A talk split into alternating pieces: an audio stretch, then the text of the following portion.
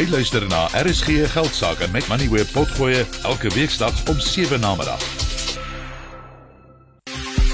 Besoek RSG Geldsaake se Facebookblad en kom ons gesels. Dis donderdag aand en dit beteken ek kry kans om te gesels met 'n uitstaande lid van die Suid-Afrikaanse Sakegemeenskap. Vanaand is dit my voorreg om te gesels met Nick van Rensburg, die bestuurshoof van die Pakamani Groep. Nick het meer as 30 jaar ondervinding in die Suid-Afrikaanse besigheidswêreld uit aan die hoof gestaan van die Zimele program by Anglo American.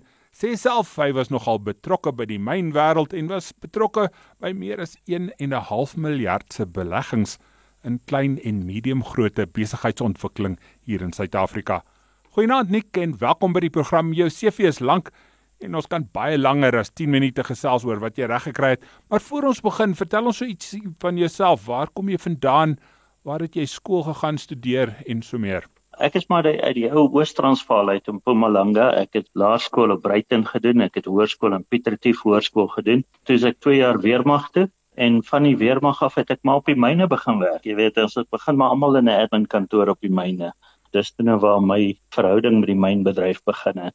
Ek sien jy het gestudeer by Unisa. Was dit terwyl jy gewerk het ja. op die myne?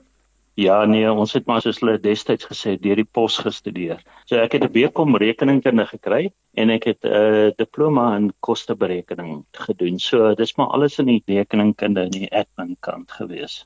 En by Anglo American reeds van 1981 af. Is dit 'n gogga wat 'n mens byt so 'n mynindustrie?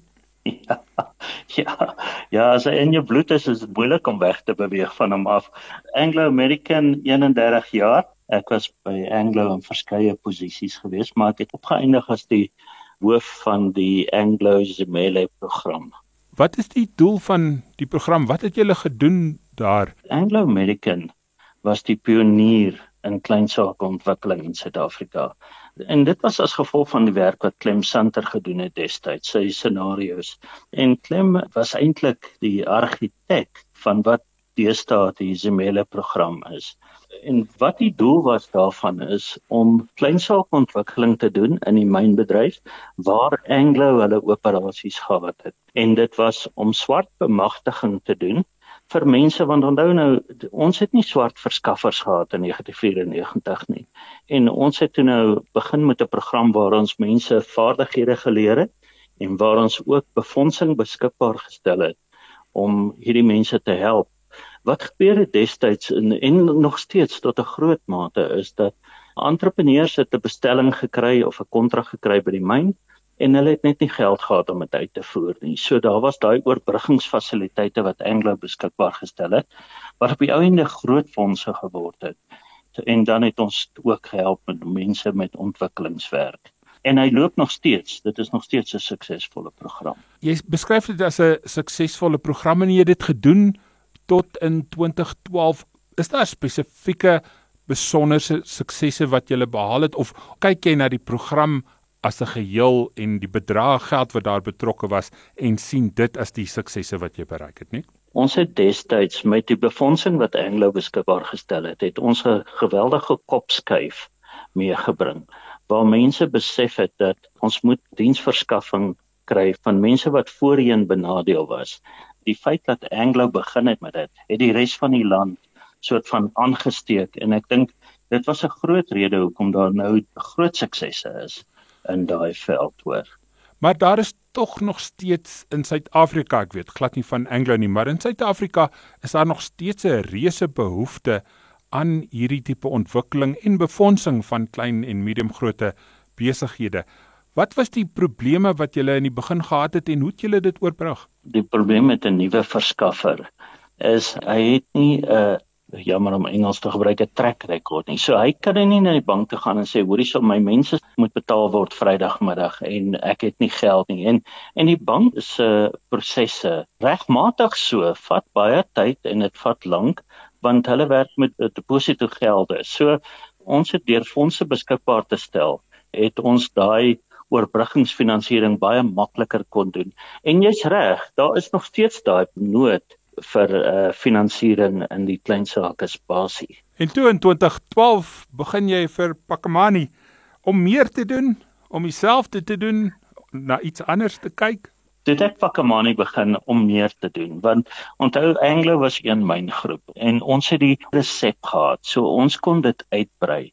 Ons kon dit nou na al die mynhuise te vat wat ons wel gedoen het en ons werk nou met 'n groot klomp van die mynhuise en jy weet die programme wat ons doen byvoorbeeld vir Sibanye is baie groot hoor.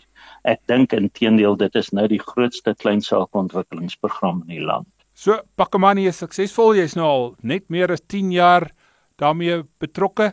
Watter lesse kan ons daar leer vir die regering? Jong, uh, ons moet dit makliker maak vir mense om finansiering in die hande te kry. Ons moet dit makliker maak vir mense om opleiding te kry in besigheid. Dis 'n ding wat begin van kindsbeen af. Ons moet begin om in ons skole programme te kry wat mense leer oor hoe besigheid werk. Ons vind nog steeds dat uh, daar is baie mense daar buite wat graag wil besigheid doen, maar wat net nie die regte raadpunte kry oor hoe om te begin nie. So daar's uh, 'n groot verbetering van toe ons begin het. Maar uh ja, daar's nog steeds daai nood hoor. Pakamani is suksesvol. Ons werk nou by verskeie mynhuise. Ons is oralste waar hulle hulle mynbedrywighede het, het ons kantore. Ons is landwyd. Ons het omtrent 60 mense in diens nou.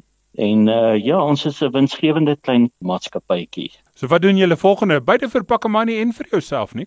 Volgende wat ons nou besig is om te doen, daar moet 'n bietjie konsolidasie kom want ons te veel van die mense wat daar buite rondhardloop in hierdie tipe van werk doen. So ons probeer om dit bietjie te formaliseer.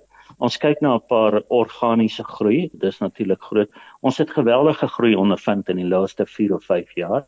Maar ons kyk ook om besighede aan te koop wat dieselfde denkwyse as ons het. Omtrent 2 maande gelede het ons uh, Macaulay Learning Academy gekoop. Hulle het vaardigheidsprogramme wat hulle aanbied op die myne.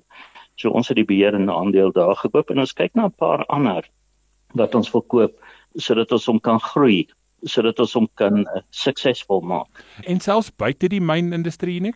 O, ons probeer, maar as jy in die skadu van 'n mynhoop gebore is, dan is dit moeilik om buite te beweeg, maar ons probeer om uit te beweeg. Maar natuurlik 'n uh, mens gaan waar dit vir jou gemaklik is en ons ken die myne, ons weet hoe werk die myne. So dis maar vir ons uh, die maklikste. Maar natuurlik, 'n verskaffingsketting is dieselfde of dit nou vir 'n myn is en of dit nou vir 'n Pick n Pay is of vir iemand. Jy weet dis maar dieselfde beginsel. So ons kyk daarna om uit te brei en om buitekant byvoorbeeld in die transportindustrie in te gaan en daar te begin werk. So ons het al 'n bietjie deurbrake gehad, maar ja, ons kyk om te groei en groter te word. Ek hoe meet jy daardie sukses? weet ons het nou in Pakamani en 'n uh, ou moet maar altyd die statistieke byhou.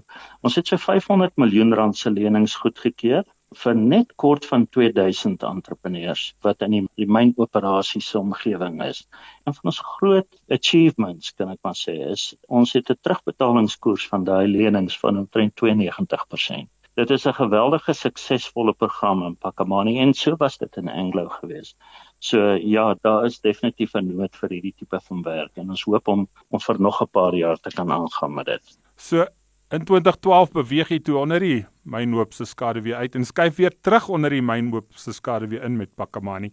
Wat doen jy as jy nie onder hierdie skade weer is nie? Wat doen jy met jou vrye tyd, nie?